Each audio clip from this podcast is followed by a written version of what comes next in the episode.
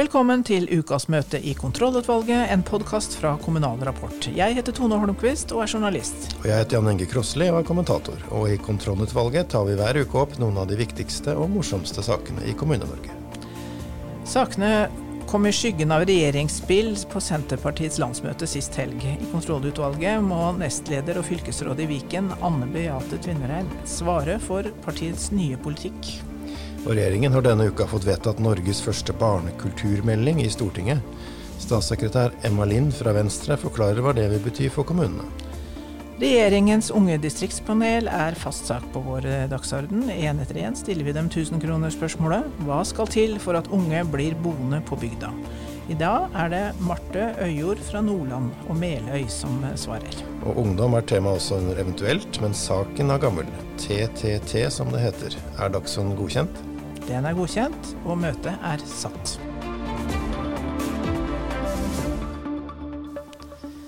Senterpartiet var siste parti til å arrangere landsmøte i helga, digitalt selvfølgelig.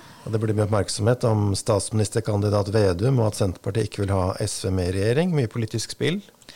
Men nå har vi altså lovet gjenvalgt nestleder Anne Beate Tvinnereim at vi bare skal spørre henne om politiske saker. Velkommen til deg, Tvinnereim.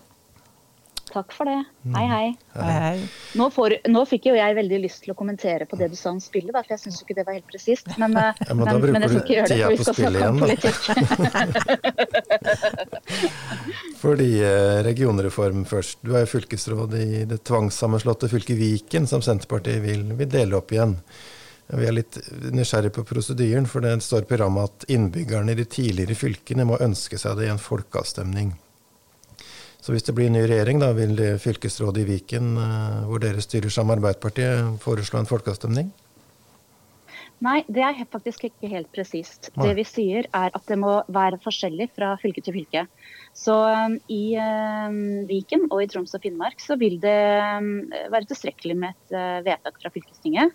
Men så er det jo noen fylker hvor uh, bakteppet er mer komplisert. Og da sier vi at vi ønsker å legge til rette for folkeavstemninger. Det kan være aktuelt i, i flere fylker. Så hvis det er et flertall uh, men, i fylkestinget, som det sannsynligvis er i Viken, så kan det gå rett i det er helt riktig, og det er jo det vi har sagt at vi skal. Når vi får et nytt stortingsflertall, så har Ap og Sp fylkesrådet sagt at vi legger frem en sak for fylkestinget, og det vil vel da skje ja, jeg skal ikke love når det skjer, men regner med at vi rekker å gjøre det før jul i hvert fall. Ja, og da har jo Fremskrittspartiet sagt også i vår podkast faktisk at de vil støtte det, i hvert fall. da. Så da har det flertall der. MDG er jo en annen, annen mulighet. Ja, vi jo, hadde jo i utgangspunktet et flertallsfylkesråd bestående mm. av Ap, Sp, SV og MDG. Mm. Uh, og MDG og SV sto jo bak den formuleringen i vår felles plattform som vi mm. fortsatt styrer etter. Så skal ikke jeg forskuttere om de har ombestemt seg, men jeg er, føler meg helt sikker på at vi skal, skal klare å få flertall, i hvert fall. Ja. Du er fylkesråd for klima og miljø. Partileder Vedum har jo gitt Senterpartiet et dårlig klimarykte med sin diesel-Volvo. Så tvil om partiet støtter det nasjonale klimamålet. Er du fornøyd med programmets klimapolitikk? Jeg, jeg er veldig fornøyd med, med, programmet. Eh, for det første så tar klima stor plass der. Og for det andre så har vi, vi presenterer en operativ klimapolitikk Eh, og det er jo det jeg syns eh, eh, har vært litt frustrerende også, for det har vært så mye diskusjon om mål og prosenter og CO2-ekvivalenter. Mens i mitt daglige virke så sitter jeg og gjennomfører praktisk klimapolitikk i hver eneste dag. Enten det er å utbygge ladeprisinfrastruktur eller omlegging i landbruket eller hva det måtte være. Um, og det, det som jo har skapt mye støy utad, er vår holdning til CO2-avgiften i personbiltrafikken. Mm.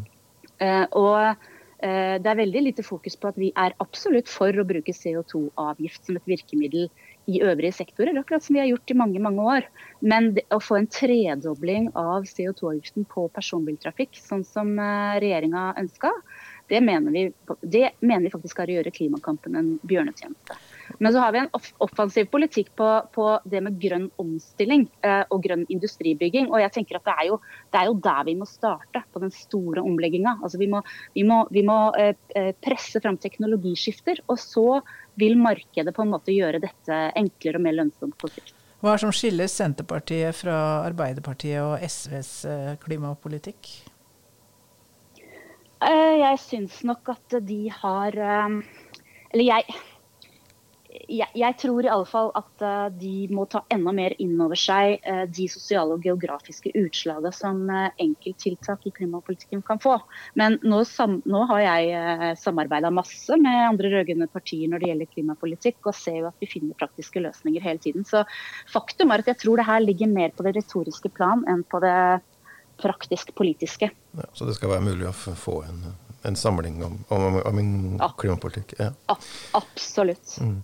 Distriktspolitikk eh, var jo en stor sak. Eh, det er mange forslag dere har. Men jeg tenkte på dette med bygdevekstavtaler. Det er jo et nytt verktøy. Dere vil sette av 12 milliarder til de neste ti åra. Så det er en stor, stor satsing. Og inngå avtaler med grupper av kommuner i områder som skårer dårlig på næringsutvikling. Og du kjenner byvekstavtalene fra Viken. Eh, er det mulig å si noe mer konkret om hva bygdevekstavtalene skal inneholde? Ehm, det er jo work in progress. Men mm. uh, å trekke en direkte parallell fra byvekstavtaler, det mener jeg er feil. Mm. Uh, fordi uh, Premissene for by byvekstavtalene er jo knytta til å løse transportutfordringer. Mens disse vekst, bygdevekstavtalene er fokusert på å skape arbeidsplasser, utvikle næringsliv og skape bolyst. Så det er på en måte en helt annen inngang på, på det. Eh, men eh, eh, vi har faktisk tjuvstarta litt i Viken. Her er vi i ferd med å etablere tre piloter for bygdevekst. Eller vi kaller det bygdemiljøpakker, da. Bygdemiljøavtaler i disse dager. Og, det som er spennende med det, er jo at vi, vi jobber på tvers av siloene. Altså de ulike departementene, ulike eller altså på, på, regionalt nivå, da, de ulike mm. rådsområdene og de ulike verktøyene skal på en måte klare å jobbe litt mer på tvers. Men det er fylker sånn at, og kommuner, eller er staten involvert også? Eh, ikke foreløpig, men de er invitert.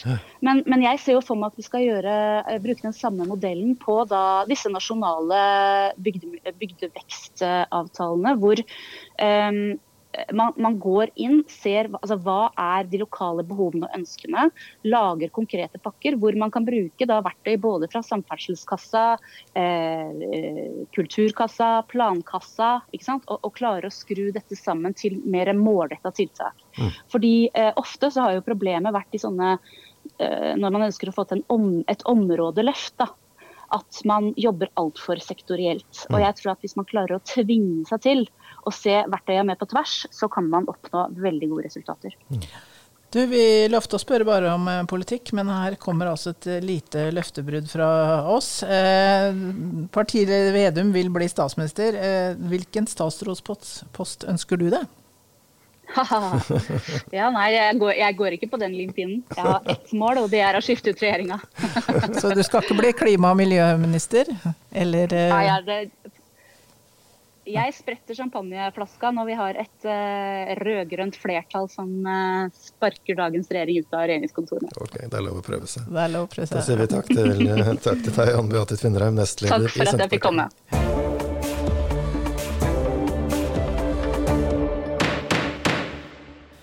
Den første barnekulturmeldingen er vedtatt på Stortinget. Den omhandler alt fra kulturelle skolesekken til kulturskolen. Eh, hvilke endringer vil det gi for kommunene, som stort sett er den som ivaretar barnekulturen, statssekretær Emma Lind fra Venstre? Altså Noe av det barn og unge ønsker, eh, er jo bedre informasjon om kunst- og kulturtilbud. Eh, og, et, og et bredt og mangfoldig kulturtilbud der de bor. Eh, og så ønsker de å være mer inkludert i utforming av eh, tilbudene som, som, de får delta i. Og Kommunene har jo en helt sentral rolle i barne- og ungdomskulturpolitikken. Og Kommunene gjør jo allerede veldig mye bra for barn og unge. Eh, og Det er jo det noe av denne meldinga er veldig opptatt av å vise frem. Men det er ikke noen store endringer sånn sett for kommunene. Det vi, det vi har gjort, er at vi har Eh, ønsker å stimulere til den lokale barne- og ungdomskulturen. Og så har, har da i 2021-budsjettet satt av 4 millioner kroner til et pilotprosjekt for å integrere barne- og ungdomskultur i kommunal planlegging. Så eh, Det vi ønsker å gjøre, er jo å, å knytte knytte kultur og, planlegging for infrastrukturen for kultur mye, mye, mer konkret inn i kulturloven enn den er i dag. Så Det er kanskje det største styrkingen vi gjør. De skal lage egne kulturmeldinger, ikke sant? De skal ha egne, Akkurat som man må eh, ha en plan for hvordan man eh, ivaretar eh, helse, helsetilbudet, skole, vei, alle de typer tingene der, så skal det også være samme plan, en lignende plan for, for kultur. Og Det er ikke bare for barn og unge, det er jo en helhetlig kulturtilbud. Det gjelder altså bibliotekene, det gjelder det gjelder også hva man eh, har eh, på kino og, Hele kulturområdet. Hele kultur. Mm. Og vi har jo en kulturlov allerede i dag, men den mm. er jo lite forpliktende. Sant? Så det, dette handler om å forplikte og vise til at man har en, eh, en forpliktende kulturlov som også, som også, sørger for at man nå skaper At kommunene er flinkere til å ta i bruk og lage egne planer for kultur. Men litt mer om de kommunale kulturskolene. Kulturskolerådet ønsker seg et fond eller søkbare midler hvor de kan søke om penger til konkrete prosjekter. Hva tenker regjeringa om et, et, sånt fond? Ja, vi har i regjeringen altså, har jo ikke lagt opp til et sånn type fond i, i, denne meldingen, og har jo heller ikke gjort det i denne perioden. For Vi mener jo at kommunene har det ansvaret. Eh, og at staten ikke skal styre den utviklingen ved å bestemme hvilke, hvilke, prosjekter som skal få penger. Det vi gjør er at vi finansierer Kulturskolerådet, som selv setter i gang ganske mange ulike typer prosjekter. Eh, kulturskolen skal bli et ressurssenter i kommunen. Eh, hvordan ser dere for dere at det skal fungere? Vi er opptatt av at kulturskolen kan være et lokalt ressurssenter. Vi sier ikke at de skal være det. For dette handler jo litt om eh, altså hvordan, hvordan, hver enkelt kommune er eh, organisert og hvilke ressurser de selv har. Det, det, handler om å ivareta de kvalitetene og de styrkene som er i hver enkelt kommune. Eh, vi har jo eksempler på noen kommuner hvor eh, kulturskolen definitivt er ressurssenteret. Ås er jo en av de. Der hvor jeg kommer selv fra, er Kristiansand er definitivt en av de. Eh, men det er ikke nødvendig at alle må bli akkurat det samme. Men et ressurssenter det betyr jo da at ikke, ikke, bare barn og unge, men også andre grupper i samfunnet kan bruke dette her. Ja. Nettopp, ja. Og det er, å, se på, eh, det er jo veldig spennende måte å tenke sånn helhetlig kulturplanlegging. At man har en eh, ser sammenheng mellom det profesjonelle og det som også skjer i det frivillige. og for barn og ungdom. At man har en, en, en sammenhengende tanke rundt, rundt, det. Det er jo eh, veldig god måte å planlegge, planlegge kulturtjenestetilbud. Du, når meldinga ble behandla i Stortinget, så fikk en jo kritikk selvfølgelig fra opposisjonen. Eh, Ap ville sende hele meldinga tilbake.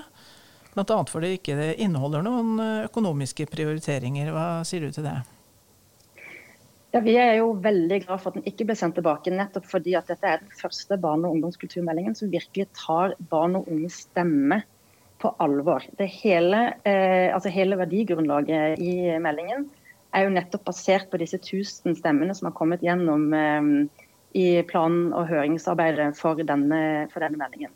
Det å, å eh, knytte Altså det å Men det er, ikke noe penger, det er ikke noe penger som følger med? Det var jo en del av kritikken der det, er, det, følger en del penger med, men det er ikke, det er ikke en eh, særskilt satsing eh, på kulturskolen eller på andre, eh, andre store, store, nye satsinger. Det her handler om å få faktisk fremma viktigheten av, av, barn og unges medvirkning og stemme i dette arbeidet. Og, bygge det opp og anerkjenne det som et eget fagfelt.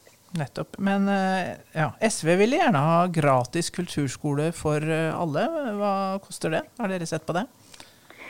Jeg har ikke tallene på hva et eh, totalt, to, totaltilbud for, og gratistilbud for kulturskolen skal være. Vi vet at i 2013 så innførte daværende regjering et, en gratis time, kulturskoletime til, som var frivillig. Eh, det var vel et prøveprosjekt som de hadde Det var en prislapp på 177 millioner kroner på det. Så da er det jo, og Et gratistilbud må jo være vesentlig mye mer enn det. Men jeg vil, jeg vil bare legge til det. fordi at Kulturskolen har vært, et stort, vært en av de viktigste virkemidlene vi har for å få barn og unge til å eh, ikke bare oppleve, men å faktisk eh, utføre og lære, eh, lære om, kultur. Mm. Og det, det, har vi altså I løpet av de 30 pluss årene som kulturskolen har eksistert, så har vi hatt mange ulike finansieringsmodeller. Det, og det har jo kosta eh, både lite, og, og, nå er det jo eh, også enda mer. Men det som er viktig å, å anerkjenne, er at vi har ikke sett at det har endret seg noe særlig på brukergruppene. Altså, det er fremdeles veldig mange av de samme elevene, de samme barn og unge, som bruker kulturskolen. Og så da handler dette her mer om bare pris. Dette her handler også om et helhetlig tilbud, og hva slags type tilbud barn og unge får. Fast post på kontrollutvalgets dagsorden er samtale med ungdom i distriktene, nærmere bestemt de som har vært med i regjeringens distriktspanel. I dag har vi med oss Marte Øyjord fra Meløy i Nordland. Velkommen. Takk skal du ha. Eh, hvor folk bosetter seg handler jo mye om jobb, Marte. Eh, hva tenker du, vil du bo der du bor nå, i Meløy? Eh, og, eh, ja. og, tilpasse utdanninga di til det? Ja. Eh, ja, det skal jeg gjøre. Jeg blir i hvert fall boende i Meløy i to år til. Ja. Jeg skal ha helgetida i nabokommunen. Eh, så jeg har jo valgt ei utdanning der jeg må bo i distriktene. Ja, for du skal bli jeg skal bli driftstekniker, eller bedre kjent som røkter på oppdrettsanlegg. Ja. Og nå går du da på akvakultur? Ja, siste dagen i dag. Ja, det er nettopp. Og så skal du da ut i praksis? Ja, jeg skal ut i lære i to lære, år. Lære i to år. Hvor har du fått uh, læreplass? Helgelandsgård avdeling Sundsfjord. Ja. Og hva gjør du der? Eh, der passer jeg på at fisken har det bra, rett og slett. Ja. Mm.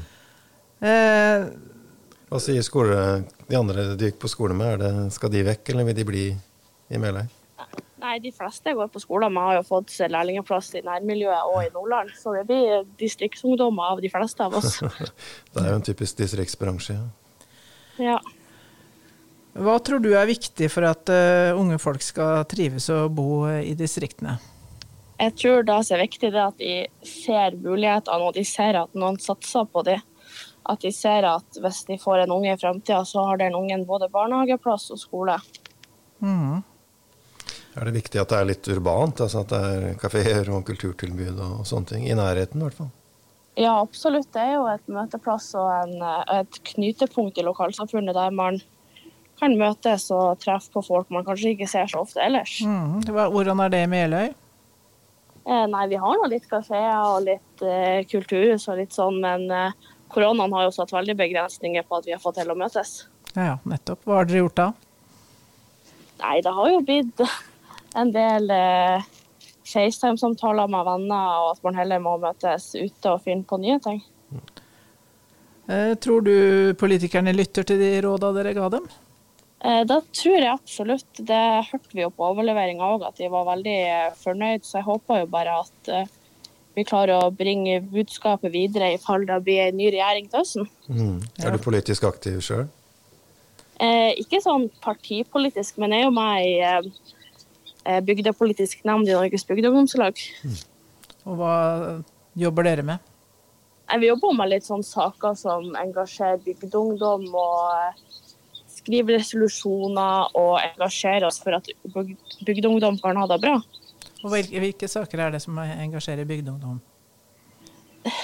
Nei, f.eks. bondeopprøret var jo veldig, er jo veldig engasjerende for ja. Eh, bygdeungdommen. Mange som skal ta over gård?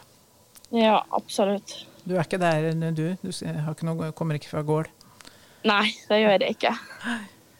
Eh, da sier vi takk til deg, Marte, for at du var med oss i podkasten.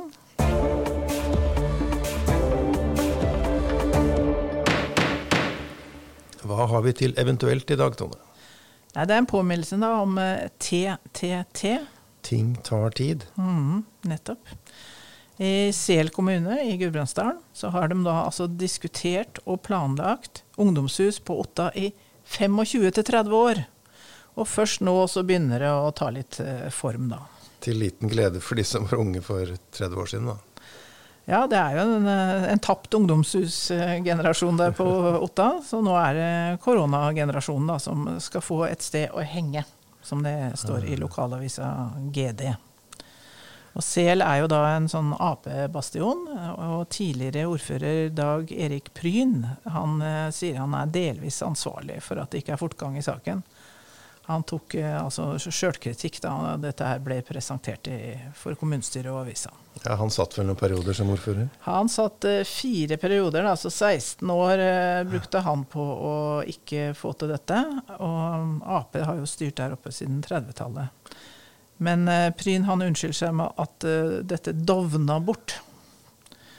Men uh, nå er det våkna igjen, da. Så en ny ordfører, frivillig lag, kirka, elevråd, ungdomsråd og sånn, som er nå med på disse planene. Det blir ikke litt mange kokker, da? Ja, kanskje det at det koker bort denne gangen. Eh, nei, det er visst alvor, og det er eh, både lokale er klart, og en idé om hvordan det skal bli. Så da ønsker vi ungdommen på Otta lykke til. Og da har vi vel det rådet å gi at den får holde trøkket oppe, og ikke la saken dovne. Da hever vi møtet. Det gjør vi. Og møteledere i kontrollutvalget har som vanlig Tone Håndquist og Jan Inge Krosslind, og vi har også ansvaret for det tekniske.